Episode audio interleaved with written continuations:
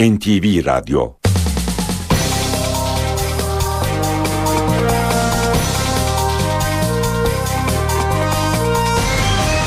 İşe giderken Mutlu sabahlar. Ben Aynur Altunkaş. Bugün 27 Ağustos Salı işe giderkenle karşınızdayız. Saat 9'a kadar Türkiye ve dünya gündemindeki gelişmeleri, gazete manşetlerini, piyasa verilerini, yol ve hava durumlarını aktaracağız. Önce gündemin öne çıkan başlıklarına bakalım. Amerika Dışişleri Bakanı John Kerry, Suriye'de geniş çaplı ve hedef gözetilmeden kimyasal silah kullanıldığını, Esad yönetiminin saldırıyla ilgili delilleri yok ettiğini söyledi. Birleşmiş Milletler heyetinin Suriye'deki kimyasal silah incelemeleri bugün de devam edecek. Suriye'de fosfor bombalarının kullanıldığı iddia edilen saldırıda yaralanan 40 sivil dün akşam tedavi için Türkiye'ye getirildi. Başbakan Tayyip Erdoğan dün memleketi Rize'de 4 ilçede miting düzenledi. Başbakan hükümetin Suriye politikasını eleştirenlere tepki gösterdi. Mısır'daki darbe hükümeti er geç gidecek dedi. Başbakan bugün de Trabzon'da temaslarda bulunacak. CHP Genel Başkanı Kemal Kılıçdaroğlu, Türkiye'nin dış politikada yalnızlaştığını söyledi. CHP lideri Başbakan Erdoğan'ın Mısır'da öldürülen 17 yaşındaki Esma için ağlamasını da eleştirdi.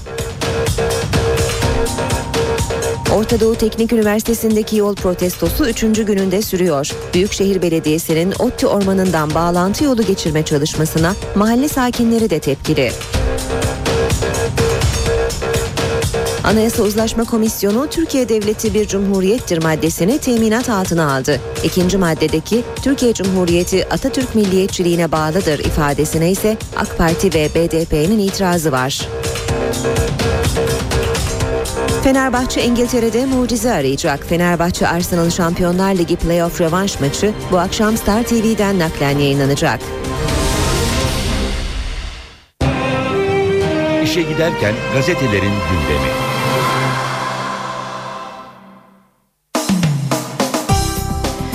Basın özetlerine Milliyet Gazetesi ile başlayacağız. Milliyet Gazetesi manşette müdahale sinyali diyor.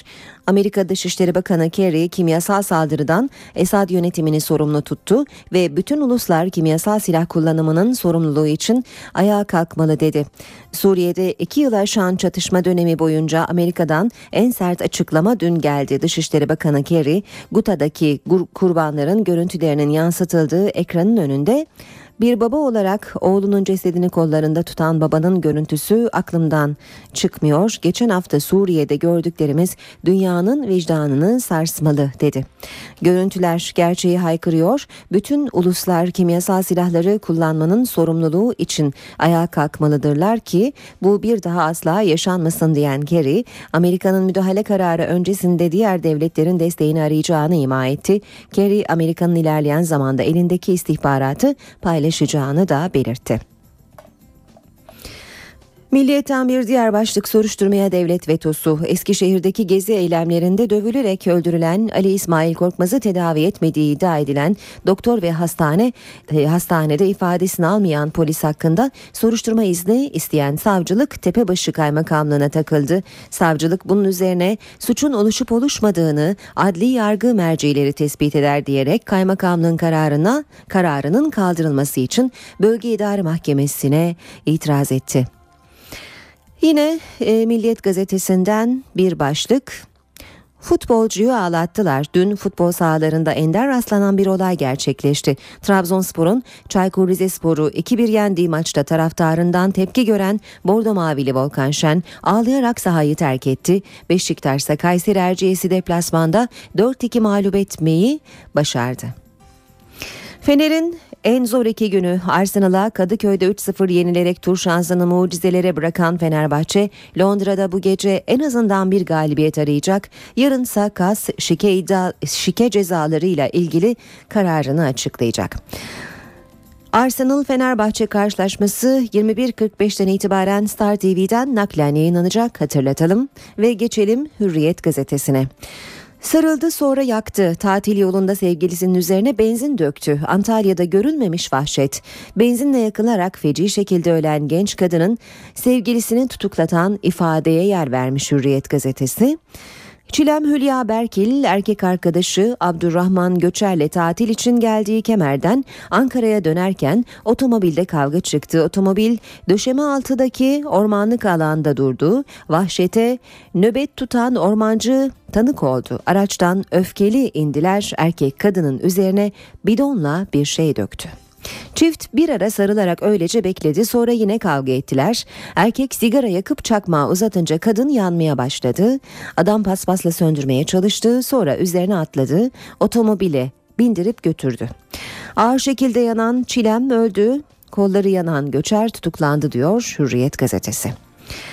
Sesleri çıkmıyor, zevk alıyorlar. Karadeniz turunu sürdüren başbakanın hedefinde yine Suriye ve Mısır'daki katliamlara sessiz kalan Batı dünyası vardı.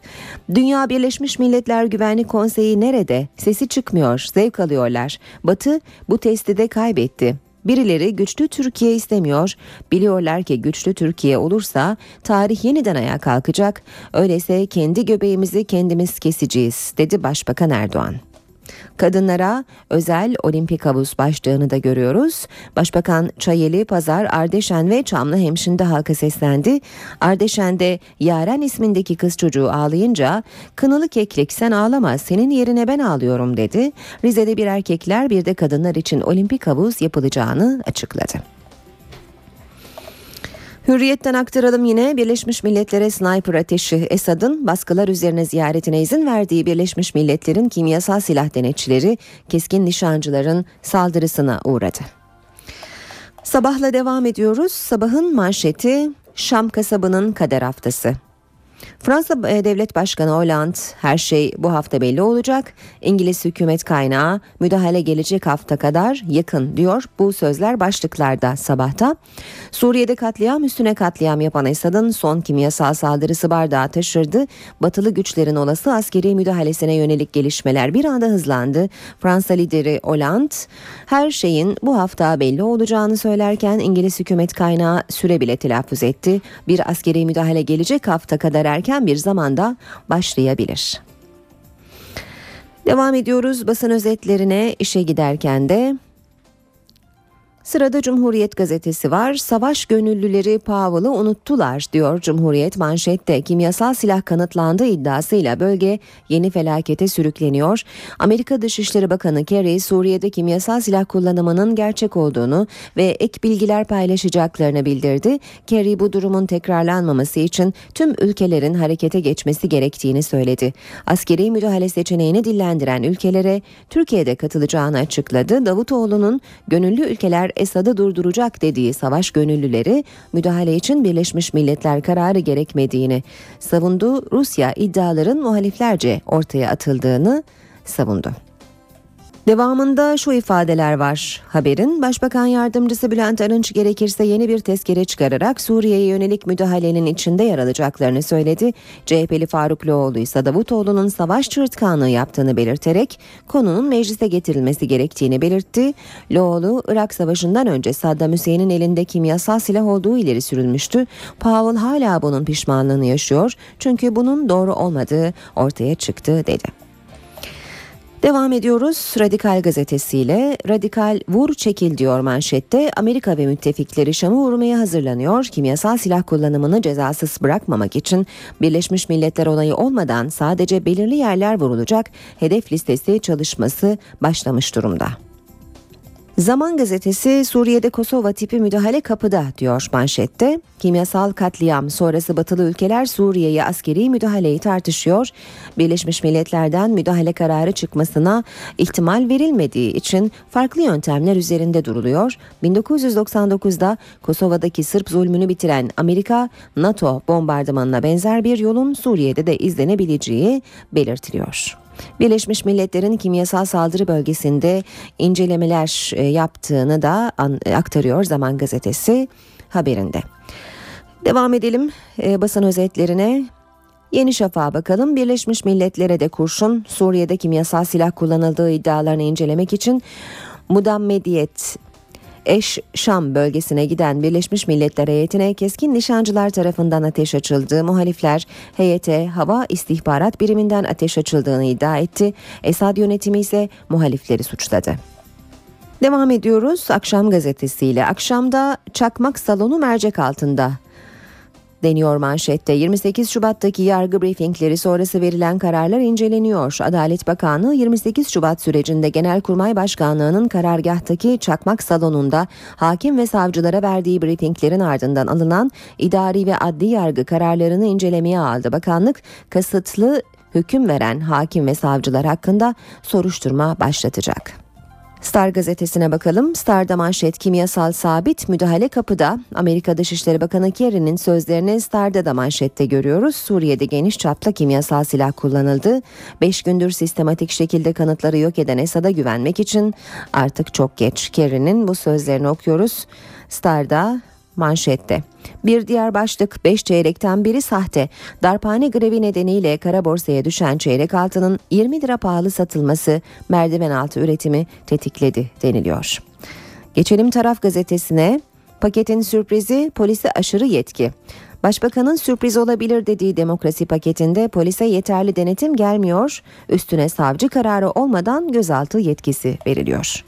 Bir başka başlık bu anayasaya evet demeyiz. BDP'li Beştaş anayasaya bu haliyle evet dersek varlığımızı inkar etmiş oluruz dedi. Anayasa Komisyonu dün de ana dilde eğitim ve vatandaşlık tanımı gibi kritik maddeler için bir sonuç alamadı. Komisyonun BDP'li üyesi Meral Daniş Beştaş, Kürt sorununu çözecek hiçbir maddede uzlaşı yok. Oysa yeni anayasa yapmanın en önemli nedeni Kürt sorunuydu diye konuştu. Ve Haber Türkiye bakalım. Habertürk'te de Suriye'deki gelişmeler manşette iki haftaya müdahale ediyor Habertürk.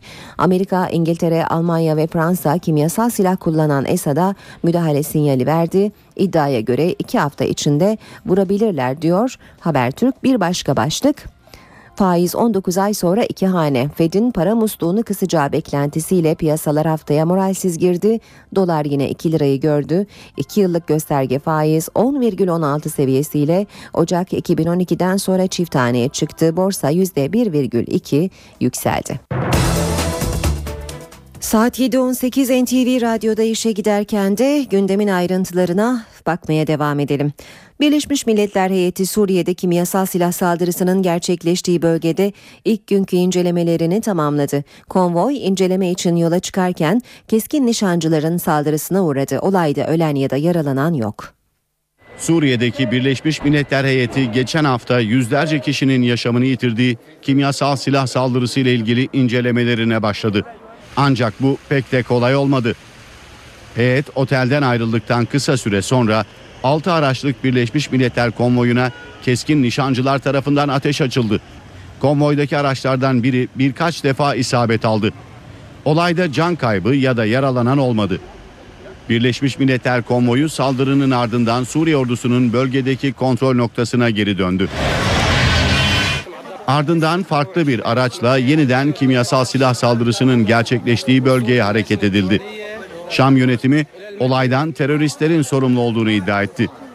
Tehlikeli bir yolculuğun ardından saldırının gerçekleştiği Şam yakınlarındaki Muaddamiye bölgesine ulaşan heyet yaralılarla konuşarak onları muayene etti, örnekler aldı. Heyet muhaliflerin kontrolündeki bölgede çalışmalarını tamamlamasının ardından olaysız şekilde Şam'ın merkezindeki otele geri döndü. Amerika Dışişleri Bakanı John Kerry Suriye'de Esad yönetiminin kimyasal silah kullandığının inkar edilemeyeceğini iddia etti. Olay bölgesinden fotoğraflar gösterdi. Şam yönetiminin Birleşmiş Milletler heyetinin saldırı bölgesinde incelemelerde bulunmasına 5 gün boyunca izin vermediğine dikkat çeken Kerry, bu arada delillerin sistematik olarak yok edildiğini öne sürdü. Bir açıklama da Beyaz Saray'dan geldi. Beyaz Saray sözcüsü Jay Carney, Başkan Barack Obama'nın Suriye konusunda atılacak adımlarla ilgili henüz kararını vermediğini söyledi. Dışişleri Bakanı Ahmet Davutoğlu Suriye konusunda Amerika ve Rusya Dışişleri Bakanlarıyla telefonda görüştü. Davutoğlu'yla Amerika Dışişleri Bakanı John Kerry, Birleşmiş Milletler Güvenlik Konseyi'nden Suriye konusunda bir karar çıkmaması durumunda nasıl bir adım atılacağı konusunda görüş alışverişinde bulundu. Bakan Davutoğlu, Rus mevkidaşı Sergey Lavrov'la da Birleşmiş Milletler heyetinin kimyasal silah incelemesi hakkında konuştu. İki Dışişleri Bakanı denetçilerin Suriye raporunu bir an önce tamamlaması konusunda mutabık kaldı. Rus Dışişleri Bakanı Davutoğlu'na Birleşmiş Milletler Güvenlik Konseyi dışında bir adım atılmamalı mesajı verdi. Davutoğlu ise önceliğimiz bu ancak Birleşmiş Milletler Güvenlik Konseyi'nin görevini yapmaması Esad için koruyucu zırhı vazifesi görmemeli uyarısında bulundu. Gönüllüler Koalisyonu Suriye'ye askeri müdahaleyi konuşurken Ürdün'de ve Türkiye'de iki önemli toplantı yapıldı. Ürdün'de 11 ülkenin üst düzey askeri yetkililerinin katıldığı toplantıda Türkiye'yi Genelkurmay Harekat Başkanı Korgeneral Erdal Öztürk temsil etti. İstanbul'da ise Suriye'nin Dostları Çekirdek Grubu siyasi direktörler toplantısı yapıldı. Türkiye adına masada Dışişleri Müsteşar Yardımcısı Ömer Önhon vardı. Toplantıda 11 ülkenin temsilcisi kimyasal silahların kullanıldığı Suriye Suriye'de artık rejime kararlı bir tepki verilmesi konusunda mutabakata vardı. Suriye'ye müdahale ihtimali değerlendirilirken Kıbrıs Rum kesimindeki İngiliz üssünde hareketlilik yaşanıyor. İngiliz Kraliyet Hava Kuvvetlerine bağlı savaş ve kargo uçakları adanın güneyindeki Avrotur üssüne gelmeye başladı. Son olarak bir nakliye uçağının üsse indiği görüldü. İngiltere'nin adadaki askeri üssü Suriye sınırına 160 kilometre uzaklıkta. Üssün Esad yönetimine hedef alacak olası uluslararası müdahalede merkez konumunda olacağı iddia ediliyor. Suriye'de çatışmalar sürerken iddiaya göre Halep kırsalında başlatılan operasyonda fosfor bombaları kullanıldı. Saldırıda yaralanan 40 sivil tedavi için Türkiye'ye getirildi. Aralarında çocukların da bulunduğu yaralılar sınırda yapılan kimyasal testinin ardından Hatay'daki hastanelere sevk edildi. Başbakan Tayyip Erdoğan Suriye ve Mısır'da olanlar için bu firavunlar zannediyor ki tutuklaya tutuklaya bitireceğiz, bitiremeyeceksiniz dedi. Başbakan sözü gezi protestolarına da getirdi. Tencere tavayla devrim yapılmaz, hukuk dışı yapılacak her adımın karşılığını hukuk içinde çok ağır öderler dedi. Batı bu testi de kaybetti. Mübareğin de tabii iki kulağı bir arada. Zevkten dört köşe. İnşallah bunların da Musa'ları yakındır. Gelecektir. Başbakan Recep Tayyip Erdoğan Rize'nin dört ilçesinde miting düzenledi. Gündeminde Mısır vardı. Darbe hükümeti er geç gidecek dedi. Sisi midir nedir işte malum. Siz biliyorsunuz zaten. Şimdi bunlar bir araya geldiler. Dayanışma halindeler. Firavunlar payidar oldu mu? Bir sinek bile Nemrud'un işini bitirdi. Erdoğan 17 yaşında öldürülen Mısırlı Esma'dan da söz etti. Esma tankın topun karşısında elinde silahı yoktu. Esma'nın elinde molotof kokteyli yoktu. Esma'nın elinde bir çakı dahi yoktu. Esma'nın elinde sadece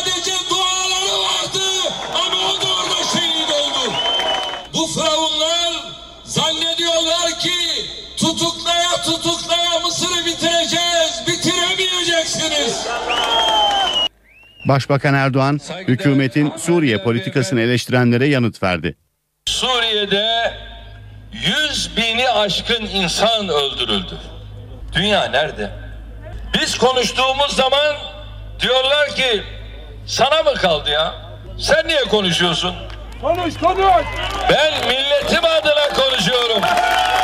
Yani biz katil Esed'in yanında mı olacaktık? Başbakanın gündeminde gezi protestoları da vardı. Merak etmeyin.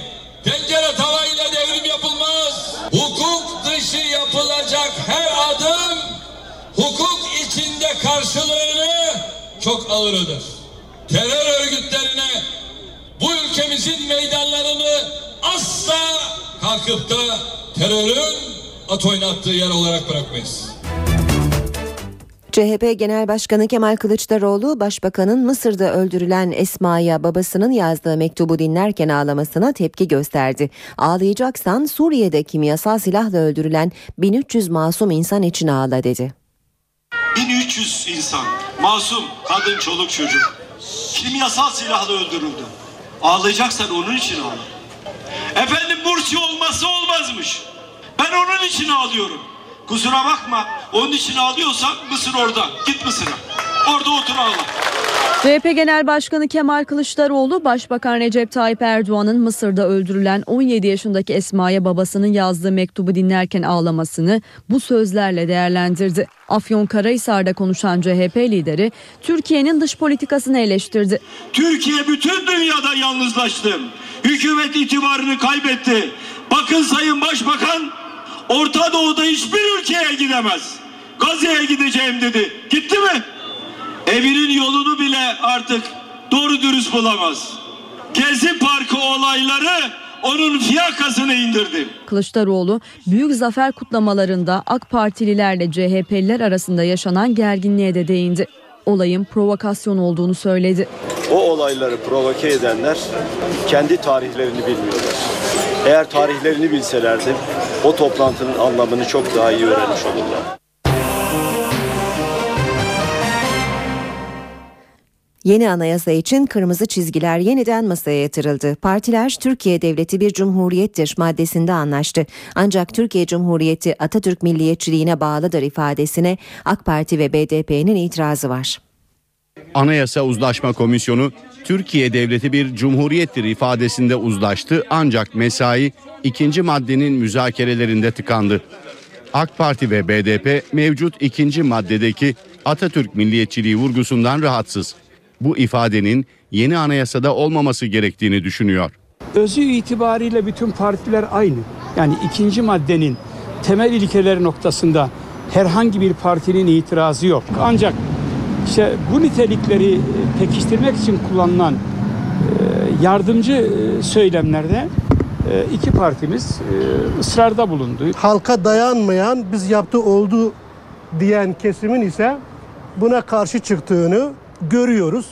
Ancak CHP ve MHP Atatürk milliyetçiliği vurgusunu yeni anayasada korunması gereken kırmızı çizgi olarak görüyor. İkinci madde, üçüncü madde ve dördüncü madde aralarındaki bağlantı sebebiyle, illiyet sebebiyle kaçınılmaz olarak bir madde müzakere edilirken zaten diğer maddelere temas ediliyor. Madde metinlerinde bir e, mutabakatın veya bu yönde bir gelişmenin olmadığını ifade etmek istiyorum. Biz Atatürk milliyetçiliği ifadesinin başlangıçtaki tanımlama ile birlikte değerlendirdiğinde Türkiye Cumhuriyeti Devleti'nin kuruluş felsefesini, Kuvayi Milliye ruhunu ifade ettiğini düşünüyoruz. 6 saatlik müzakerede sonuç alınamayınca ikinci madde kırmızı mürekkeple uzlaşma olmadan daha sonra görüşülmek üzere atlandı. Komisyon müzakerelerine ana dil başlığını da kapsayan 3. maddeden devam edecek. Demokratikleşme paketiyle nefret suçları da Türk Ceza Kanunu'na girecek. Din, ırk, etnik köken, siyasi görüş ve cinsiyet ayrımcılığı yapan cezalandırılacak. Nefret suçlarına ceza yolda. Yani nefrete dayalı söylemde bulunan cezasını çekecek. Cinsiyet, ırk, renk, dil, din, inanç, etnik köken, felsefi ve siyasi görüş, sosyal statü, medeni hal, sağlık durumu, engellilik ve benzeri temellere dayalı ayrımcılık yasaklanacak. Başbakan Recep Tayyip Erdoğan'ın Eylül ayının ilk haftasında açıklaması beklenen demokratikleşme paketine nefret suçları da dahil edildi. Nefret suçları Türk Ceza Kanunu'na girecek. Buna göre ceza kanununda nefret suçunun tanımı yapılacak ve ilgili maddelerinde verilecek cezalar belirlenecek. Ayrımcılık iddiaları oluşturulacak ayrımcılıkla mücadele ve eşitlik kurulu tarafından incelenecek ve sonuca bağlanacak.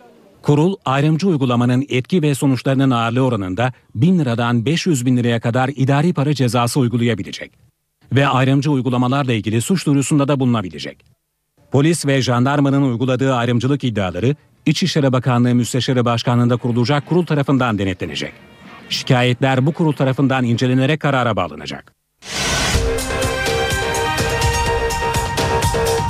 Amerika Dışişleri Bakanı John Kerry, Suriye'de geniş çaplı ve hedef gözetilmeden kimyasal silah kullanıldığını, Esad yönetiminin saldırıyla ilgili delilleri yok ettiğini söyledi. Birleşmiş Milletler heyetinin Suriye'deki kimyasal silah incelemeleri bugün de devam edecek. Suriye'de fosfor bombalarının kullanıldığı iddia edilen saldırıda yaralanan 40 sivil dün akşam tedavi için Türkiye'ye getirildi. Başbakan Tayyip Erdoğan dün memleketi Rize'de 4 ilçede miting düzenledi. Başbakan hükümetin Suriye politikasını eleştirenlere tepki gösterdi. Mısır'daki darbe hükümeti er geç gidecek dedi. Başbakan bugün de Trabzon'da temaslarda bulunacak. CHP Genel Başkanı Kemal Kılıçdaroğlu, Türkiye'nin dış politikada yalnızlaştığını söyledi. CHP lideri Başbakan Erdoğan'ın Mısır'da öldürülen 17 yaşındaki Esma için ağlamasını da eleştirdi. Orta Doğu Teknik Üniversitesi'ndeki yol protestosu 3. gününde sürüyor. Büyükşehir Belediyesi'nin ODTÜ ormanından bağlantı yolu geçirme çalışmasına mahalle sakinleri de tepkili. Anayasa Uzlaşma Komisyonu Türkiye Devleti bir cumhuriyettir maddesini teminat altına aldı. İkinci maddedeki Türkiye Cumhuriyeti Atatürk milliyetçiliğine bağlıdır ifadesine ise AK Parti ve BDP'nin itirazı var. Fenerbahçe İngiltere'de mucize arayacak. Fenerbahçe Arsenal Şampiyonlar Ligi playoff rövanş maçı bu akşam Star TV'den naklen yayınlanacak. İşe giderken gazetelerin gündemi. Gazetelerin manşetlerine bakalım ardından spor başlıkları aktaracağız. Milliyet gazetesinde manşet müdahale sinyali. Amerika Dışişleri Bakanı Kerry kimyasal saldırıdan Esad yönetimini sorumlu tuttu ve bütün uluslar kimyasal silah kullanımının sorumluluğu için ayağa kalkmalı dedi. Sabah gazetesinde manşet Şam kasabının kader haftası Suriye'de katliam üstüne katliam yapan Esad'ın son kimyasal saldırısı bardağı taşırdı diyor sabah. Batılı güçlerin olası askeri müdahalesine yönelik gelişmeler bir anda hızlandı. Fransa lideri Hollande her şeyin bir hafta belli e, bu hafta belli olacağını söylerken İngiliz hükümet kaynağı süre telaffuz etti. Bir askeri müdahale gelecek hafta kadar erken bir zamanda başlayabilir. Cumhuriyet gazetesi manşette Savaş gönüllüleri Powell'ı unuttular diyor. Kimyasal silah kanıtlandı iddiasıyla bölge yeni felakete sürükleniyor. ifadesi üst başlıkta Amerika Dışişleri Bakanı Kerry Suriye'de kimyasal silah kullanımının gerçek olduğunu ve ek bilgiler paylaşacaklarını bildirdi. Kerry bu durumun tekrarlanmaması için tüm ülkelerin harekete geçmesi gerektiğini söyledi. CHP'li Faruk Loğlu'nun açıklamalarını görüyoruz yine haberde. Irak Savaşı'ndan önce Saddam Hüseyin'in elinde kimyasal silah olduğu ileri sürülmüştü. Powell hala bunun pişmanlığını yaşıyor çünkü bunun doğru olmadığı ortaya çıktı, dedi Loğlu. Hürriyette manşet sarıldı sonra yaktı. Tatil yolunda sevgilisinin üzerine benzin döktü. Antalya'da görülmemiş vahşet. Benzinle yakılarak feci şekilde ölen genç kadının sevgilisini tutuklatan ifadeye yer veriyor. Ee, Hürriyet gazetesi bir görgü tanığının ifadeleri yer almış haberde. Çilem Hülya e, Berkil erkek arkadaşı Abdurrahman Göçer'le tatil için geldiği Kemer'den Ankara'ya dönerken otomobilde kavga çıktı. Otomobil döşeme altındaki ormanlık alanda durdu. Vahşete nöbet tutan ormancı tanık oldu. Araçtan öfkeli indiler. Erkek kadının üzerine bidonla bir şey döktü. Çift bir ara sarılarak öylece bekledi. Sonra yine kavga ettiler. Erkek sigara yakıp çakmağı uzatınca kadın yanmaya başladı. Adam paspasla söndürmeye çalıştı. Sonra üzerine atladı. Otomobile bindirip götürdü. Ağır şekilde yanan e, Çilem öldü. Kolları yanan Göçer tutuklandı. Zamanın manşetine bakalım. Suriye'de Kosova tipi müdahale kapıda diyor. Zaman kimyasal katliam sonrası batılı ülkeler Suriye'ye askeri müdahaleyi tartışıyor. Birleşmiş Milletler'den müdahale kararı çıkmasına ihtimal verilmediği için farklı yöntemler üzerinde duruluyor. 1999'da Kosova'daki Sırp zulmünü bitiren Amerika, NATO bombardımanına benzer bir yolun Suriye'de izlenebileceği belirtiliyor. Taraf gazetesinde manşet paketin sürprizi polise aşırı yetki. Başbakanın sürpriz olabilir dediği demokrasi paketinde polise yeterli denetim gelmiyor, üstüne savcı kararı olmadan gözaltı yetkisi veriliyor. Şimdi spor haberlerine geçeceğiz. Milliyet gazetesiyle başlayalım spor haberleri aktarmaya. Zirve çığlığı, Erciyes'te zirve çığlığı diyor Milliyet. Kartal, Erciyes deplasmanında ikinci yarıda coştuğu Süper Lig'de 144 hafta sonra liderlik koltuğuna kuruldu diyor Milliyet gazetesi. 3 maçta 3 asist 1 gol başlığı var yine. Beşiktaş'ın Kayseri Erciyesspor karşısında aldığı galibiyette 1 gol ve 1 asistle büyük pay sahibi olan Manuel Fernandes 2013-2014 sezonuna çok başarılı bir başlangıç yaptı deniliyor. Yine Milliyet'ten okuyalım takdir ve eleştiri. Bilic Erciyesspor karşısında aptalca goller yediklerini söyledi ancak deplasmanda oynanan bir maçta iki kere geriye düşüp kazanmak da takdir edilecek bir durum diye konuştu. Fransız öpücüğü. Trabzon Çaykur Rize karşısında zor anlar yaşarken Maluda ile nefes aldı. Karadeniz derbisinde Bordo Mavililer henüz ikinci dakikada Adrian'la umutlandı. 40. dakikada Tevfik Köse Çaykur Rizespor'un Trabzon'u yakalamasını sağladı. 76'da Maluda'nın ceza sahası dışından çektiği müthiş şut ev sahibine 3 puan kazandırdı. Milliyetten okumaya devam edelim. Spor haberleri Çalışmayan forma giyemez. Fenerbahçe Teknik Direktörü Ersun Yanal oyuncularıyla yaptığı toplantıda sert uyarılarda bulundu. Cristian'ı son iki maçta tribüne gönderirken Eskişehir karşısında en önemli gol silahı Musa Sov'u yedeğe çeken sarı lacivertli çalıştırıcı, idmanlarda ve maçlarda istediği performansı ortaya koyamayan oyuncuların bundan sonra forma giyemeyeceğini bildirdi. Çalışan formayı alır, çalışmayan tribüne çıkar dedi. Fenerbahçe bugün Kadıköy'de e, 3-0 yenildiği Arsenal'la İngiltere'de, Londra'da kapışacak. Şampiyonlar Ligi'ne girmek için adeta mucize arayacak. Maç saat 21.45'te ve Star TV'den naklen yayınlanacak. Terim'le iki yıl daha. Galatasaray Başkanı Ünal Aysal, yüreklere su serpti. Fatih Terim'le iki yıl daha anlaşma imzalayacaklarını söyledi. Başkan Aysal 3 milyon euro alan Fatih Hoca ile aynı şartlarda mukavele yapma konusunda sorun olmadığını ifade etti. Bir başka başlık Süper Arda. Vallecano maçının parlayan ismi olan Arda Turan İspanya medyasında kendisine geniş yer bulduğu Falcao'nun gidişinin ardından oyuncunun bu formunun takım için çok önemli olduğu yorumları yapıldı deniyor Milliyet'in haberinde. Devam edelim. Hürriyet gazetesiyle Hürriyet'in spor sayfalarını çevirelim. 4 yıl sonra golle Erciyes'te zirveye Beşiktaş 2009'un Mayıs'ından bu yana ilk kez liderliğe yükseldi demiş. Hürriyet gazetesi de gözyaşıyla gelen 3 puan Volkan'ın sahayı ağlayarak terk etmesiyle oyuna giren Maluda galibiyeti getirdi. Maraton tribününden birkaç taraftarın küfrettiği Volkan Şen Rize maçını yarım bıraktı. Zorunlu değişiklikle oyuna giren Floren Maluda attığı muhteşem golle Trabzon'a Karadeniz derbisini kazandırdı diyor Hürriyet gazetesi haberinde. Hiçbir şey olmamış gibi Didier Drogba dün Florya Metin Oktay tesislerine neşe içinde adım attı. Öfkesini Bursa'da bıraktı. Oyundan alınmasına tepki gösterip direkt soyunma odasına giden ve takım arkadaşlarını beklemeden otobüse gidip oturan tecrübeli golcü İstanbul yolunda sakinleşti. Terim ise kendisiyle özel görüşme yapmadı deniyor haberin devamında. Ne istediğimi biliyorsunuz. Ersun Yanal sahada gerekenleri yaptıktan sonra taktiğin çok önemli olmadığını söyledi. Ofansta ve defansta doğru oynamaya çalışan bir takım oluşturmaya çalıştığını söyleyen Ersun Yanal kafasındaki futbol için biraz daha süre gerektiğini belirtti. Sabaha kadar heyecandan uyumadım. Süper Lig tarihinin en genç golcüsü Enes Ünal duygularını böyle anlatmış. Mutlaka Bursa Atatürk Stadında bu formayı giyecektim diyen 16 yaşındaki futbolcu hayallerine ve ideallerine çok küçük yaşta kavuştuğunu söyledi. Hürriyetten aktardık. Şimdi de Sabah gazetesinin spor sayfalarına bakacağız.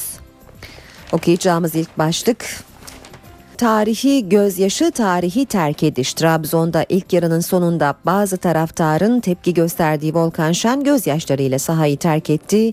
Genç oyuncuyu ne arkadaşları ne de e, ne hakem ne de rakip oyuncular durdurabildi. Trabzon'un ilacı Maluda başlığı yine başlıkta Fırtına Lig'de esmeye başladı. Rize'yi evinde Adrian ve Maluda'nın golleriyle geçip ligdeki ilk galibiyetini aldı. Trabzonspor'da Adrian ikinci dakikada kulübünün 2000. golünü atıp tarihe geçti.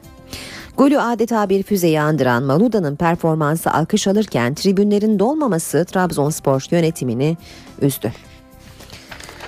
Bir daha çal Slaven Bilic, Hırvat teknik direktör Süper Lig'de 2'de 2 yapıp Beşiktaş'ı 144 maç sonra liderlik koltuğuna oturttu diyor yine Sabah gazetesi. Ve son başlık 6-0-4 kulübe. Yabancılar tribüne çıkınca Galatasaray'ın kadro derinliği kayboldu. Sakat Semih'in yokluğunda.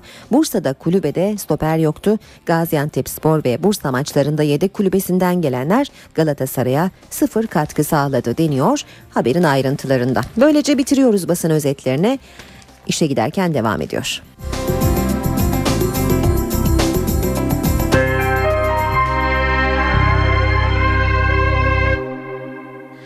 Türkiye yeni bir sıcak hava dalgasının etkisi altına giriyor. Sıcaklık bugünden itibaren 6 derece birden yükselecek. Hafta sonu 1 Eylül'den itibaren ise 10 derece birden düşecek.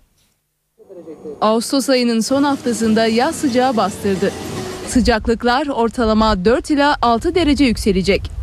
Yazı oldukça iyi geçirdik. Sıcaklıklar çok aşırı artmadı. Genellikle ortalamalar civarındaydı ama Ağustos'un bu son haftasında biraz bunalacağız. Özellikle nem ve rüzgar hissedilen sıcaklığı etkiliyor. Rüzgar Türkiye genelinde özellikle geceleri hafif esecek. O yüzden rüzgarın serinletici etkisinden fazla faydalanamayacağız. İstanbul 34 dereceyi bulacak.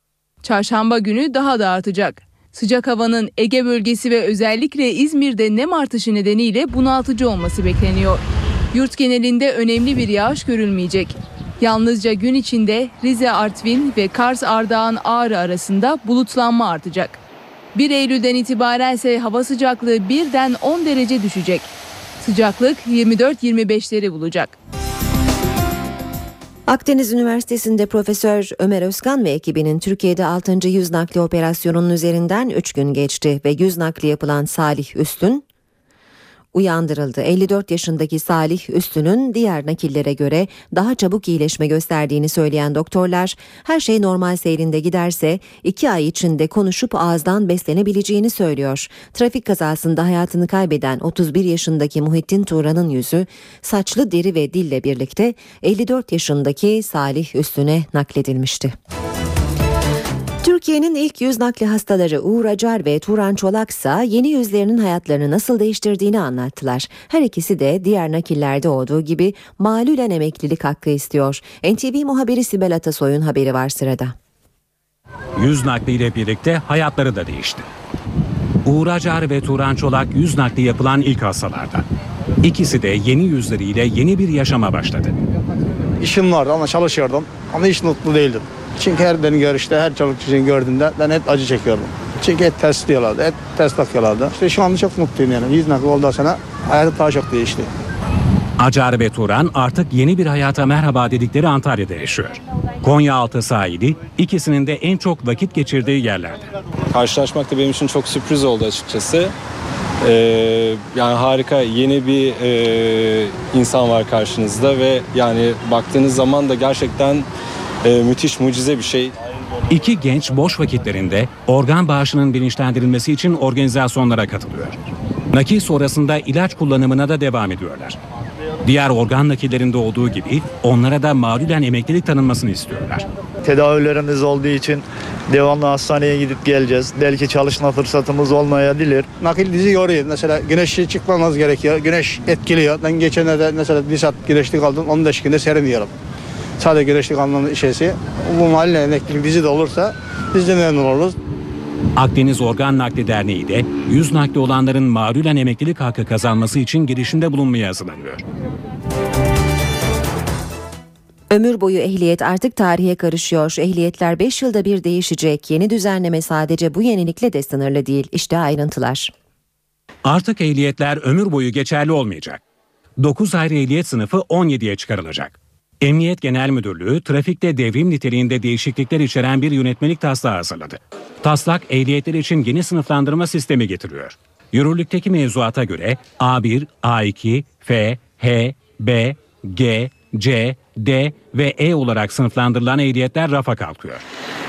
Avrupa Birliği ile uyum kapsamında getirilecek yeni sistemde ehliyet sınıfları A1, A2, A, B1, B, BE, C1, C1E, C, CE, D1, D1E, DE, F, G ve K olmak üzere 17'ye çıkıyor. Taslağa göre aday sürücüler K sınıfından başlayacak. Düzenleme ile ehliyetler ömür boyu geçerli olmayacak. Bazı sınıflar 10, bazıları da 5 yılda bir değiştirilecek. Yenilenen sürücü belgeleri için harç alınmayacak, sadece belge parası alınacak.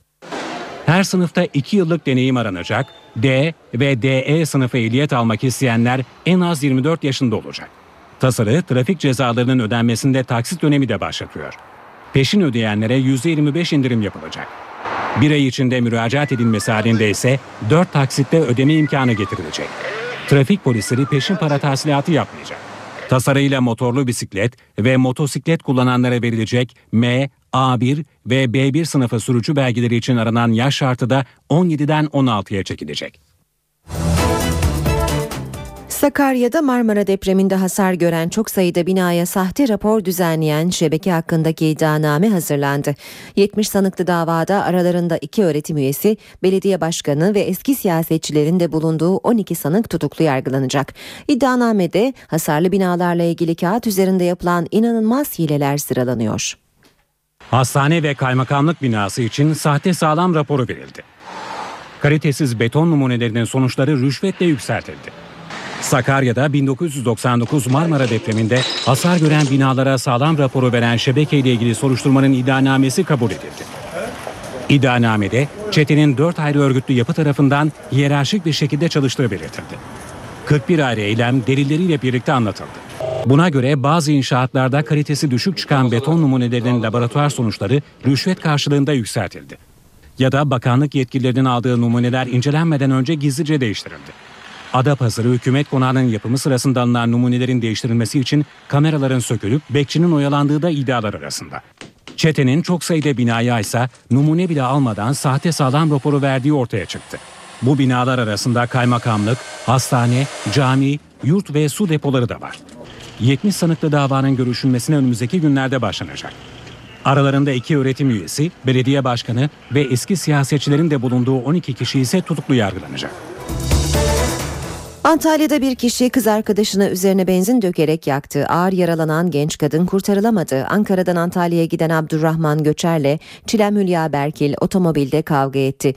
İddiaya göre genç kadını saçından sürükleyerek araçtan indiren Göçer, bagajdan aldığı bidondaki benzini Berkil'in üzerine döktü ve sonra ateşe verdi. Çevreden geçen sürücülerin müdahalesiyle alevler söndürüldü ancak ağır yaralanan 30 yaşındaki kadın kaldırıldığı hastanede yaşamını yitirdi. Katil zanlısı tutuklandı. NTV Radyo Günaydın herkese yeniden. Ben Aynur Altunkaş. İşe giderken de yeni saate hava durumuyla başlayacağız. Gökhan Abur'la konuşacağız. Önce gündemin başlıklarını kısaca hatırlayalım.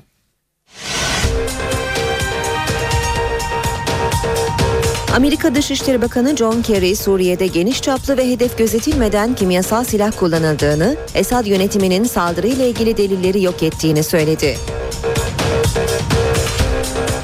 Birleşmiş Milletler heyetinin Suriye'deki kimyasal silah incelemeleri bugün de devam edecek. Suriye'de fosfor bombalarının kullanıldığı iddia edilen saldırıda yaralanan 40 sivil dün akşam tedavi için Türkiye'ye getirildi. Başbakan Tayyip Erdoğan dün memleketi Rize'de 4 ilçede miting düzenledi. Başbakan hükümetin Suriye politikasını eleştirenlere tepki gösterdi. Mısır'daki darbe hükümeti er geç gidecek dedi. Başbakan bugün de Trabzon'da temaslarda bulunacak. CHP Genel Başkanı Kemal Kılıçdaroğlu, Türkiye'nin dış politikada yalnızlaştığını söyledi. CHP lideri Başbakan Erdoğan'ın Mısır'da öldürülen 17 yaşındaki Esma için ağlamasını da eleştirdi. Orta Doğu Teknik Üniversitesi'ndeki yol protestosu 3. gününde sürüyor. Büyükşehir Belediyesi'nin ODTÜ Ormanı'ndan bağlantı yolu geçirme çalışmasına mahalle sakinleri de tepkili. Anayasa Uzlaşma Komisyonu Türkiye Devleti bir cumhuriyettir maddesini teminat altına aldı. İkinci maddedeki Türkiye Cumhuriyeti Atatürk milliyetçiliğine bağlıdır ifadesine ise AK Parti ve BDP'nin itirazı var. Fenerbahçe İngiltere'de mucize arayacak. Fenerbahçe Arsenal Şampiyonlar Ligi playoff rövanş maçı bu akşam Star TV'den naklen yayınlanacak. Gökhan Abur, günaydın. Günaydın. Yurt genelinde sıcaklıklar yüksek, kimi bölgelerde nem de çok yüksek olduğu için hava bunaltıcı. Bugün nasıl olacak hava? Evet bugün düne göre biraz daha bunaltıcı bir hava var. Rüzgarlar da çok kuvvetli değil. Özellikle Ege'de, Kuzey Ege'de e, çok zayıf esen rüzgarlar var. O bakımdan İzmirliler bugün bir hayli bunalacaklar. Çanakkale'de rüzgar zayıfladı. İstanbul Boğazı'nda öğle saatlerinde biraz sert esecek bir Poyraz var. Ki Poyraz şu an itibariyle İstanbul'da 7 kilometre hızla esiyor. 13-14 kilometrelere ancak çıkabilecek. Akdeniz boyunca yine öğle saatlerinde güneye dönecek rüzgarlar nem oranını bir hayli yükseltecekler. Bir tek Bodrum ve civarında öğle saatlerinde karayel zaman zaman kuvvetli esecek. Onun dışında rüzgarlar da oldukça zayıf. İç kesimlerde sıcaklıklar, batı ve iç kesimlerde sıcaklıklar 34 ile 37 derece arasında değişirken Akdeniz'de biraz daha yüksek değerlere çıkacak ki yarın daha da yükselmesini bekliyoruz. Özellikle iç ve doğu kesimlerde sıcaklıklar yarın ve cuma günü arasında daha yüksek değerlere çıkacak. Mevsim ortalamalarının yer yer 5-6 derece üzerinde olan bu sıcaklıklar etkisini hafta sonuna kadar sürdürmeye devam edecek. Cuma günü Trakya'da bir bulutlanma var. Bu bulutlanma bölgede kısa süreli yağışlar bırakmaya başlayacak ve bu yağışlarla birlikte cumartesi günü Marmara bölgesinde sıcaklıklar 4-5 derece azalacak ama bu azalışlar da şu andaki bulgulara göre çok uzun süreli gözükmüyor. Bu sıcak ve bunaltıcı hava koşulları Akdeniz'de, Ege'de, iç kesimlerde ve doğudaki etkisini sürdürecek. Çok dar bir alanda yağış var. O da akşam saatlerinde Rize Artvin arasında oluyor. Bugün yine Rize Artvin arasında aralıklarla kısa süreli sağanak geçişleri bekliyoruz. Aynı şekilde Ağrı, Kars, Ardahan arasında da yine gün içinde aralıklarla yağış görülecek ki Rize Artvin Ardahan arasındaki bu yerel yağışların yarın da kısa sürelerle devam etmesini bekliyoruz. İstanbul'da bugün beklediğimiz hava sıcaklığı 33 derecenin üzerine çıkacak. Gece sıcaklığı 24 derece. Rüzgar çok kuvvetli değil. Ankara'da cuma gününe kadar hava oldukça sıcak. Bugün için beklediğimiz sıcaklık 33 derece. Yarın biraz daha yükselecek. Gece sıcaklığı da yükseldi ve 19 derece olacak. İzmir oldukça sıcak. Özellikle Körfez'de nemin yüksek olması gündüz sıcaklıkların 35 derecenin üzerine çıkmasına sebep olurken bunaltıcılığı bir hayli arttıracak ve gece sıcaklığı da 23 derece civarında olacak. Evet, evet. koşullar böyle. Bunaltıcı hava koşullarına dikkat. Gökhan Abur teşekkür ediyoruz. Ben teşekkür ediyorum. İşe giderken gazetelerin gündemi.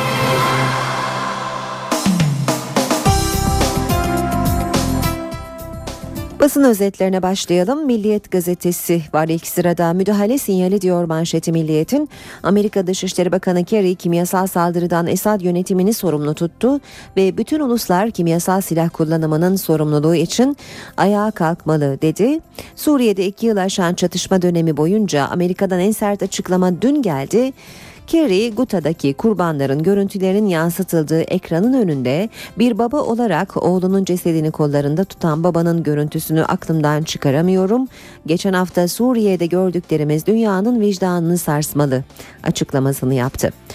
Dünya Suriye'yi konuşuyor. Birleşmiş Milletler ekibine sniper ateşi 21 Ağustos'taki kimyasal saldırı hakkında inceleme yapmak üzere Suriye'nin Guta bölgesine giden Birleşmiş Milletler denetçilerine keskin nişancılar ateş açtı. Kimin yaptığı bilinmeyen saldırıda konvoydaki bir araç kullanılamaz hale geldi. Ölen ya da yaralanan olmadı. Heyet daha sonra Guta'ya varıp incelemelere başladı.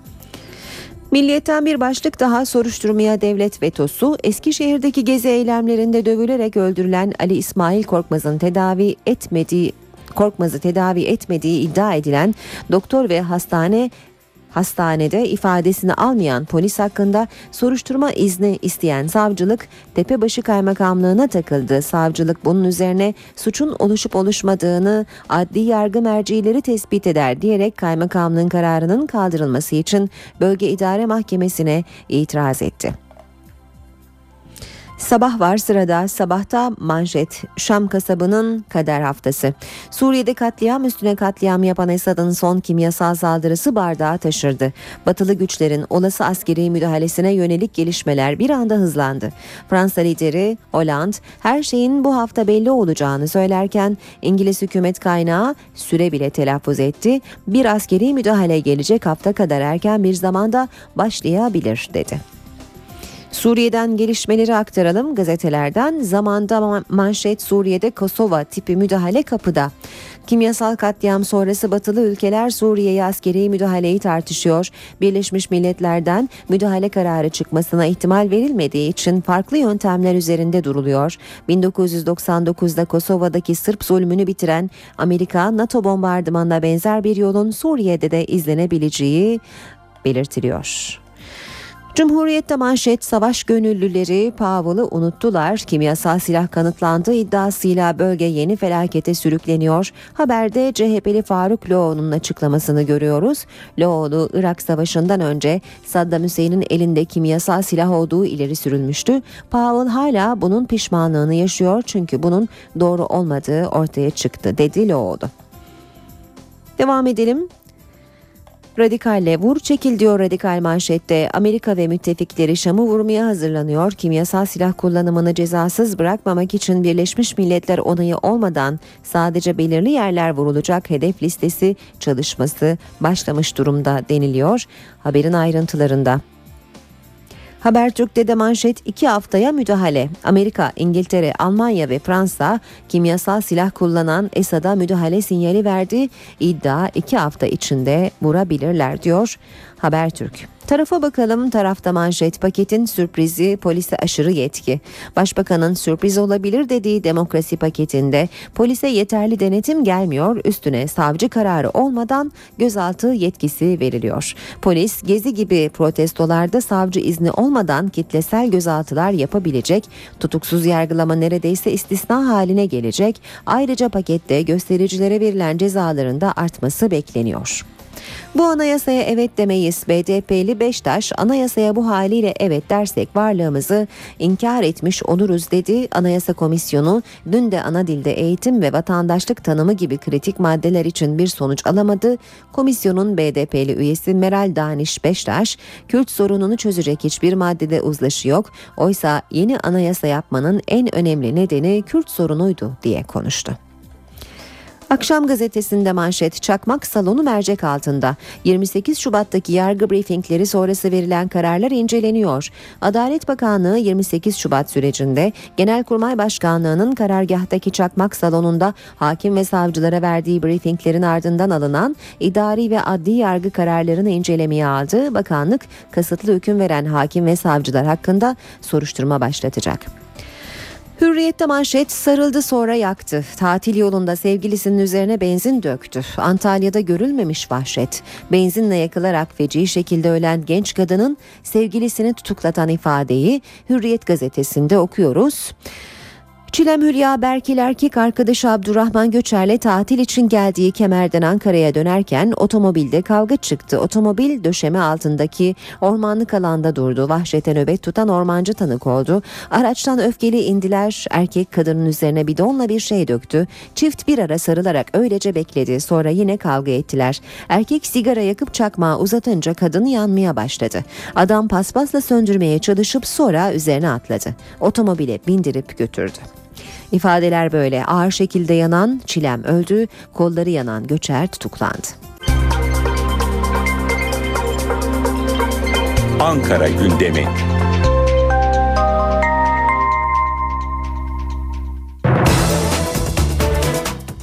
Saat 8.18 bu bölüme başkent gündemiyle başlıyoruz. Karşımızda NTV Ankara muhabiri Özden Erkuş var. Özden günaydın. Günaydın Aynur. Önce anayasa çalışmalarıyla başlayalım istersen. Yeni e, yeniden masaya yatırıldı. Yeni anayasa için kırmızı çizgiler. Komisyonda neler oldu? Önce bize aktarır mısın? Dün 6 saatlik mesai geride kaldı Anayasa Uzlaşma Komisyonu'nda ve Türkiye Devleti bir cumhuriyettir ifadesinde uzlaştı komisyon ancak o uzun mesai ikinci maddenin müzakerelerinde deyim yerindeyse tıkandı. AK Parti ve BDP mevcut ikinci maddedeki Atatürk milliyetçiliği vurgusundan rahatsız.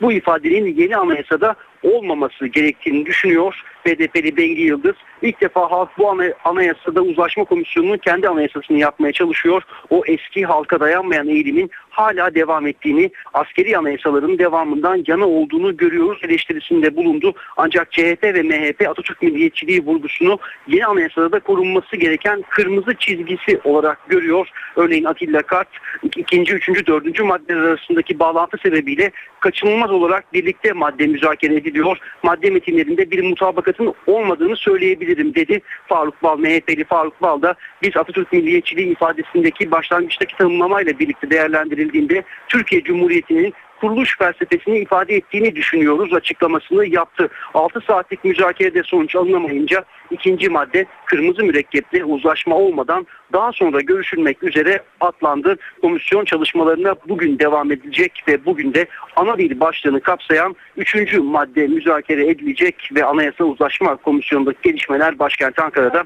yakından takip edilecek Aynur. Anayasa çalışmaların yanı sıra hangi başlıkları takip edeceksiniz Özden?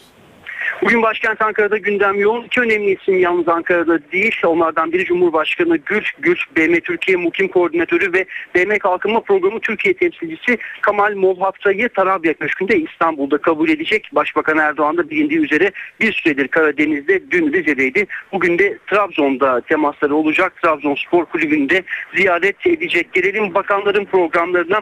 Egemen Bağış ve Bekir Bozdağ Avrupa Birliği Bakanlığı, Adalet Bakanlığı, Dışişleri Bakanlığı ve Başbakanlık Yurt Dışı Türkler ve Akraba Topluluklar Başkanlığı arasında yurt dışında yaşayan vatandaşlara yönelik hukuki çalışmalara ilişkin işbirliği protokolü ve Avrupa Birliği Leonardo da Vinci projesi imza törenine katılacaklar. Aile ve Sosyal Politikalar Bakanı Fatma Şahin, Keçiören Belediyesi tarafından yaptırılan Engelsiz Park'ın açılış törenine katılacak. Enerji ve Tabii Kaynaklar Bakanı Taner Yıldız da Erikson Türkiye Yönetim Kurulu'nu kabul edecek. Mecliste ise basın toplantıları var. CHP İstanbul Milletvekili Mevlüt Aslanoğlu, BDP Grup Başkan Vekili İdris Balüken ve CHP Edirne Milletvekili Kemal Değirmendereli basın toplantısı düzenleyecekler ve gündeme ilişkin soruları yanıtlayacaklar. Gündemdeki son başlıksa ODTÜ'de devam etmekte olan eylem olacak. ODTÜ ormanından bağlantı yolu geçmesini istemeyen 100. Yıl Mahallesi sakinleri ve ODTÜ öğrencilerin eylemi devam ediyor. Bugün eylemciler şehir Çevre ve Şehircilik Bakanlığı'na yürüyerek bir basın açıklaması yapacaklar. Başkent Ankara'da gündemin ana başlıkları bugün bu şekilde olacak. Teşekkürler Özden kolay gelsin.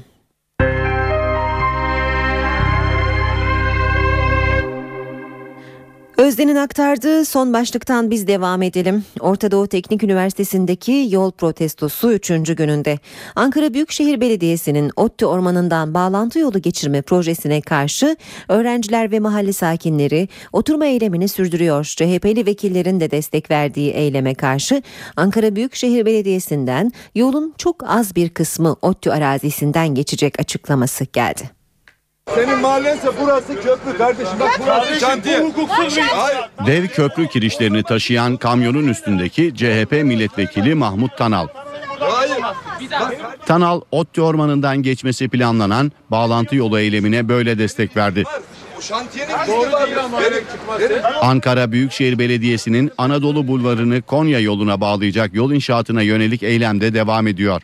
CHP'li Tanal şantiyeye gelerek inşaatta çalışanlar için gerekli güvenlik önlemi alınmadığını belirtti. Ardından polise şikayette bulundu. Burada gördüğümüz kadar e, buraya konulan levha formaliteden öteye gitmiyor. İş güvenliği açısından siz de gerekli olan yerlere lütfen talimatı verin. Tutanak tutun bu şekilde çalışılmaz. Mahmut Tanal iki günden bu yana oturma eylemini sürdüren ODTÜ'lü öğrenciler ve 100. yıl sakinlerini de ziyaret etti. Eylemciler inşa edilecek 8 şeritlik yolla binlerce ağacın ve mahallelinin yaşam hakkının yok edileceği görüşünde. Bu yoldan geçecek kamyon gürültüleri, bu yoldan geçecek tır gürültüleri, buradan geçecek 40 bin aracın gürültüsü. Bizim şu an evlerimizde oturup yaşama hakkımızı engelleyecek. Ankara Büyükşehir Belediyesi ise fotoğraflı bir açıklamayla iddiaları yalanladı. Büyükşehir Belediyesi yolun çok az bir kısmının ODTÜ arazisinden geçtiğini belirtti. Cumhurbaşkanı Abdullah Gül Alevi Bektaşi Kültür Enstitüsü üyelerini kabul etti. Tarabya Köşkü'ndeki görüşmede 3 yıllık çalışma sonucu hazırlanan rapor Cumhurbaşkanı'na sunuldu. Alevi Bektaşi Kültür Enstitüsü Başkanı Gülizar Bektaş, görüşmenin olumlu geçtiğini, raporun AK Parti dışında mecliste grubu bulunan partilerle de paylaşıldığını ancak AK Parti'den randevu beklediklerini açıkladı. Gezi Parkı olaylarında dövülerek öldürülen Ali İsmail Korkmaz'ın avukatlarının bir doktor ve polise soruşturma izni verilmediği açıklaması Eskişehir Valiliğince yalanlandı. Valilik söz konusu polis memuru ile ilgili izne gerek kalmadan inceleme başlatıldığını belirtti. Ayrıca açığa alma ve tutuklama işlemlerinin de paralel olarak gerçekleştirildiği ifade edildi. Olayda adı geçen sağlık personelinin soruşturmasında ise muhatabın Tepebaşı Kaymakamlığı olduğu valiliğin bu konuda verdiği bir karar olmadığı belirtildi. Tekirdağ Çorlu'da hastane personeline saldıran iki zanlı tutuklandı. Olay iki gün önce Çorlu'da özel bir hastanede yaşandı. İddiaya göre 3 hasta yakını ameliyat geciktiği gerekçesiyle hastane çalışanları ve doktorlarla tartıştı. Hasta yakınlarından biri koridordaki yangın tüpünü yere fırlattı. Arbede sırasında hastane yöneticisinin parmağı kırıldı. Doktor ve teknisyen yaralandı. Polis ekipleri olay çıkaran baba ve oğlu gözaltına aldı. Bir zanlı ise kaçtı. Mahkemeye sevk edilen iki kişi kasten yaralama suçundan tutuklandı. İzmir'de bir hastanenin acil servisindeki kadınlar tuvaletinde gizli kamera bulundu. Bornova Devlet Hastanesi'nin tuvaletinde anahtar şeklindeki kamerayı hastalardan biri fark etti.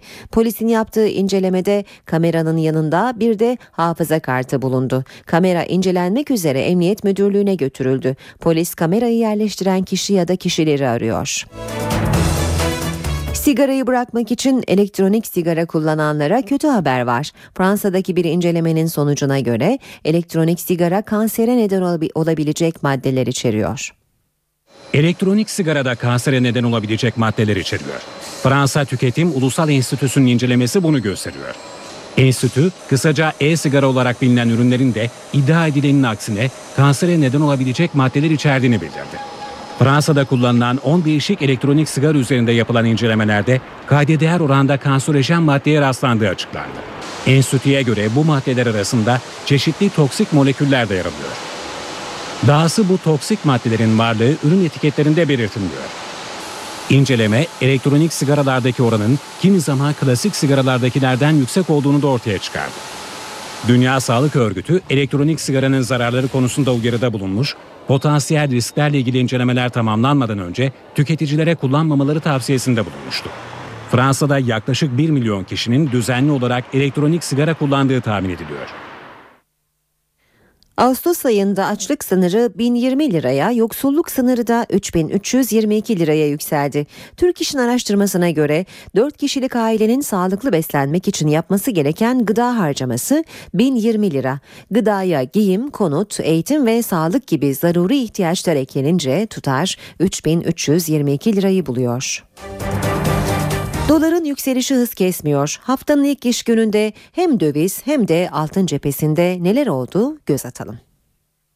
Dolarda 2 lira psikolojik sınırdı. Geçen hafta cuma günü aşıldı. Daha sonra bir miktar düşüş oldu. Ama haftanın ilk iş gününde doların ateşi yine yükseldi. 2 lirayı geçti. Peki bundan sonra ne olur? Dövizde 2 lira psikolojik sınırdı. Bu fiyattan aşağı düşmesini bekliyor musunuz? Evet bu fiyatlardan bu fiyatların çok kalıcı olmasını beklemiyoruz. Ee, dolayısıyla Merkez Bankası'nın uyguladığı para politikası çerçevesinde tekrar 2 TL'nin bir miktar daha aşağısına gelebiliriz. Haftanın ilk iş gününde euro ve altında da fiyat yükseldi. Euro 2 lira 67 kuruştan satıldı. 24 ayar altında gram 89.90, Cumhuriyet altınında 605-610, çeyrek altında 155-160 lira arasında satıldı. Dolar TL'nin yükselmesiyle beraber iç piyasada altın fiyatı son 5 ayın en yüksek seviyesine gelmiş durumda. Biraz da mevsimsel olarak düğün mevsimi olmasından kaynaklanan bir e, fiyat e, hareketi ve işlem hareketi var. Peki yatırımcılar ne yapmalı? Elinde dövizi bulunduranlar bu seviyelerden bir miktar satış yapabilirler. Aynı şekilde elinde altın bulunduranlar da en azından yarısını buradan satış yapmaları fiyat düştüğünde de o yarısını tekrar geri almaları daha doğru diye düşünüyorum. Eğer fiyat yükselirse o zaman geri kalan yarısını da satsınlar tamamıyla TL'ye geçsinler. Çünkü TL cinsi yatırım araçları bundan böyle getirileri daha e, altına göre dövize göre daha iyi olacaktır diye düşünüyorum. Finans analisti Mehmet Ali Yıldırım Türk'ün değerlendirmeleri böyleydi. Şimdi de piyasalardaki son rakamlara bakalım. BIST 100 endeksi 842 puan ve %1,24 artışla 68.775 puandan kapandı. Bu sabah dolar 2 liranın üzerinde seyrediyor. Euro ise 2 lira 68 kuruştan işlem görüyor. Euro dolar paritesi 1.34, dolar yen 98 düzeyinde. Altının onsu 1398 dolar, Brent petrolün varili 111 dolar.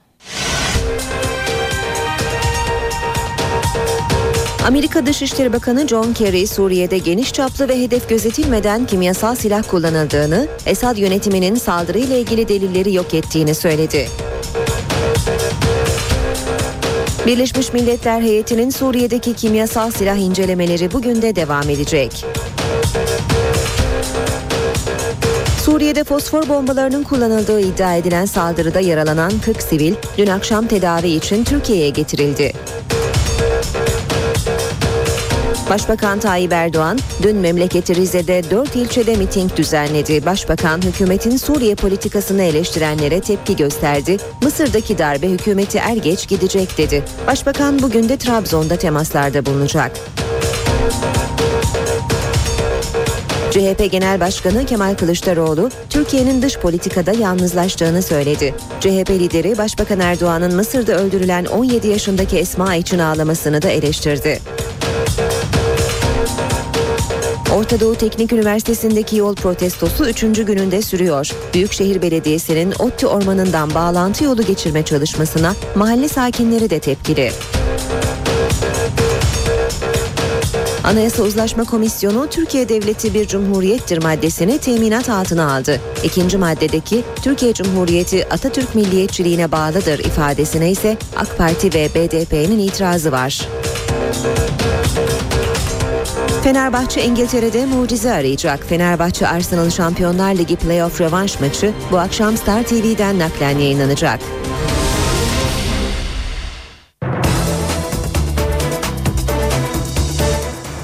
Saat 8.37 NTV Radyo'da işe giderken de birlikteyiz. Son bölümümüze spor gündemiyle başlayalım. Fenerbahçe mucize peşinde. Sarı lacivertliler Şampiyonlar Ligi playoff turunda sahasında 3-0 kaybettiği ilk maçın rövanşında bu akşam Arsenal'la İngiltere'de karşılaşacak. Maç Star TV'den yayınlanacak. Fenerbahçe Şampiyonlar Ligi playoff turu rövanşında bugün deplasmanda Arsenal'le karşılaşacak. Sarı lacivertler zoru başararak tur atlamak için mücadele edecek. Londra'daki Emirates Stadında oynanacak karşılaşma saat 21.45'te başlayacak ve Star TV'den naklen yayınlanacak. Arsenal Fenerbahçe maçını İspanyol hakem Carlos Velasco Carballo yönetecek. İstanbul'da oynadığı ilk maçta İngiliz ekibine 3-0 yenilen Sarı lacivertler, Londra'da rakibini 3-0'ın dışındaki 3 farklı skorlarla mağlup ederse Şampiyonlar Ligi'nde gruplara katılacak. Karşılaşma 3-0 Fenerbahçe'nin üstünlüğüyle sona ererse uzatmaya gidecek. Diğer sonuçlarsa Arsenal'e turu getirecek. Fenerbahçe Arsenal elenmesi durumunda UEFA Avrupa Ligi'nde gruplarda mücadele edecek. Fenerbahçe Teknik Direktörü Ersun Yanal sakatlıkları bulunan Emre Belezoğlu, Mehmet Topal ve Josef Yobo'yu İngiltere'ye götürmedi. Sarı lacivertli takım son antrenmanını Emirates stadında yaparak maçı beklemeye başladı. Fenerbahçe Teknik Direktörü Ersun Yanal Arsenal karşısında sahaya galibiyet için çıkacaklarını söylerken tur için şanslarını zorlayacaklarını ifade etti. NTV Spor'un sorularını yanıtlayan Yanal sahada sistemin değil doğru işleri yapabilmenin başarıyı getirdiğini Fenerbahçe'yi de böyle bir takım yapmaya çalıştıklarını dile getirdi. İlk maçta oynadık. Ee, zaman zaman kötü oynadık. İstediğimiz sonucu alamadık. Ama biz her maçı kazanmak için oynayan bir takımız. Her maçta mücadelemizi kazanmak için yaparız. Yarın da öyle olacak. Ee, Fenerbahçe e, belki dünyanın en büyük taraftarlarından birisine sahip. Onların enerjisi, coşkusu, bizden beklentisi biz hepsinin farkındayız ve e, bunu ortaya koyacak bir sorumluluk sahibi bir takım gibi sahaya çıkıp oynayacağız. Ve yarın e, her türlü beceriyi, her türlü mücadeleyi saha içerisinde yapıp e, bu sahadan e, istediğimiz sonucu galibiyet alarak çıkmaya çalışacağız. Tur da olabilir, galibiyet de olabilir. Futbol bu. Çok organize bir takımla, uzun yıllar istikrarlı çalışmış bir takımla oynuyoruz. Ama Fenerbahçe'nin gücü her takım yenmeye yeter bence. Sistemler bir tarafa, ortaya koyduğunuz birlikte oynamak bir tarafa. Hangi sistemi oynarsanız oyun. Hangi sistem olursa olsun. Sahaya çıktığınızda top rakipteyken ve top sizdeyken doğru bir şekilde oynamak ve doğru koşu, doğru mücadele, doğru enerjiyle siz oynayamadıysanız sistemin hiçbir önemi kalmıyor. Dolayısıyla biz önce bunu başarmalıyız. Yani biz önce yeterince de koşmalı, yeterince de mücadele etmeli, birlikte oynamayı becermeliyiz. Ondan sonra kendi sistemimizi yani kendi oyunumuzu rakibimize kabul ettirecek gücü ortaya koymalıyız. Futbolda beklenti bitmez. Futbolda e, çok becerikli oyuncunuz olur. Çok da yüksek bir topa vursun dersiniz. Çok da iyi oyuncularınız olur.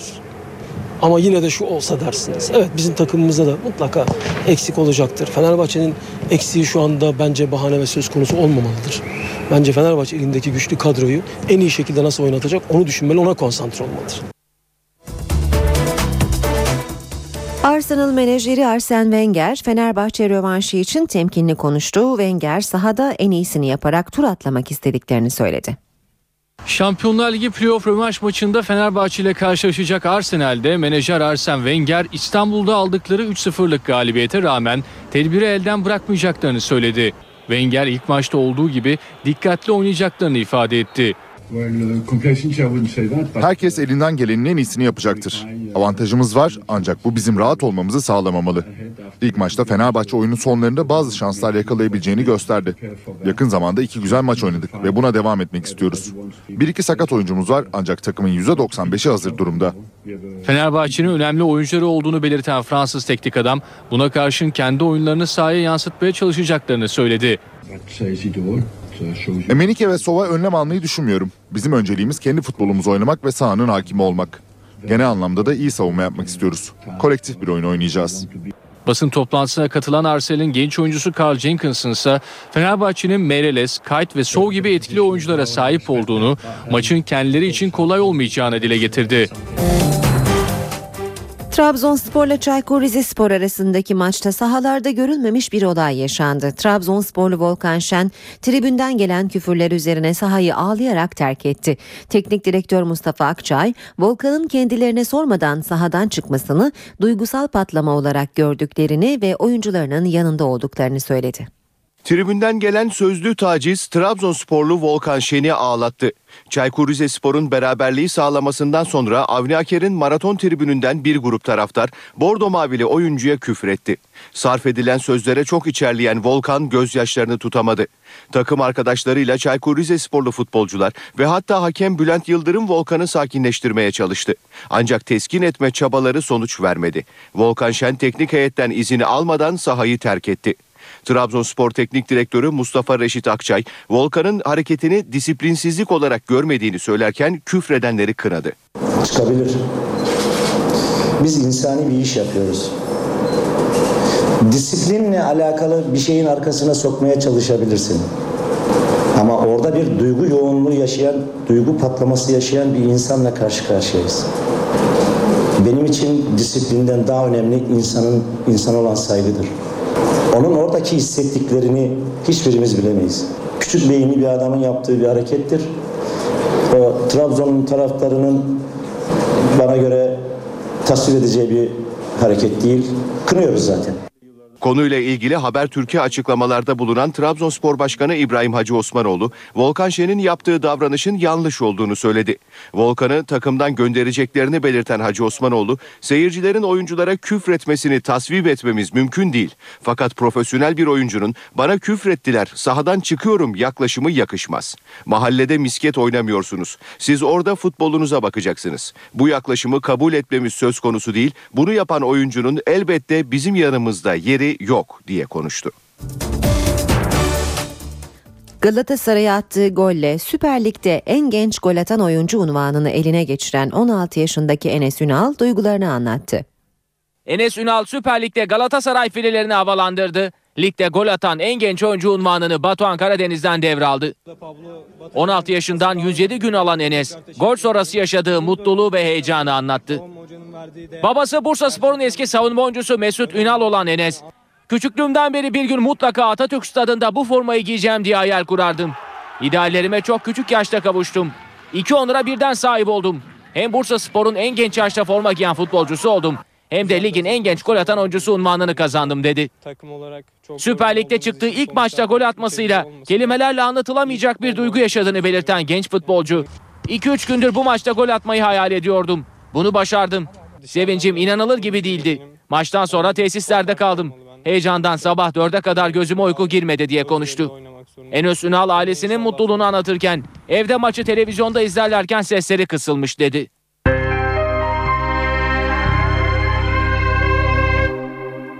Güney Amerika'da görülmemiş bir doğa olayı yaşandı. Şili'de dünyanın en kurak bölgesi olan Atacama çölü son 30 yılın en yoğun kar yağışına sahne oldu. Beklenmeyen yağış nedeniyle bölgede bazı yollar kapandı. 105 bin kilometre karelik bir alanı kaplayan Atacama çölünün yılın belli günlerinde Antarktika üzerinden gelen soğuk hava nedeniyle yağmur aldığı biliniyor. Ancak yetkililer bu yoğunlukta bir kar yağışının en az 30 senedir yaşanmadığına dikkat çekiyor.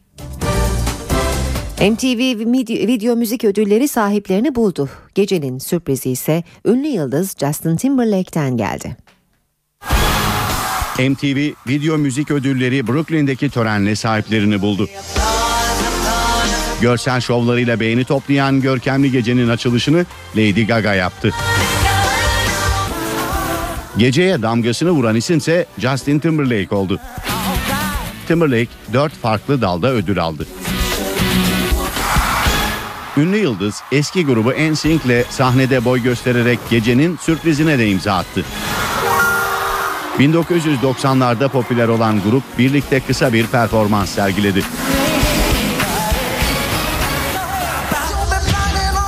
Gecede Taylor Swift, Bruno Mars, Selena Gomez gibi ünlü isimler de ödül aldı. Gecenin kapanışını Katy Perry ünlü Brooklyn Köprüsü'nün altında yaptı. Bu haberle işe giderken sona eriyor. Gelişmelerle saat başında yine birlikte olacağız. Teknik Masada İsmet Tokdemir, Emre Köseoğlu ve ben Aynur Altunkaş. Mutlu bir gün geçirmenizi diliyoruz. Hoşçakalın. NTV Radyo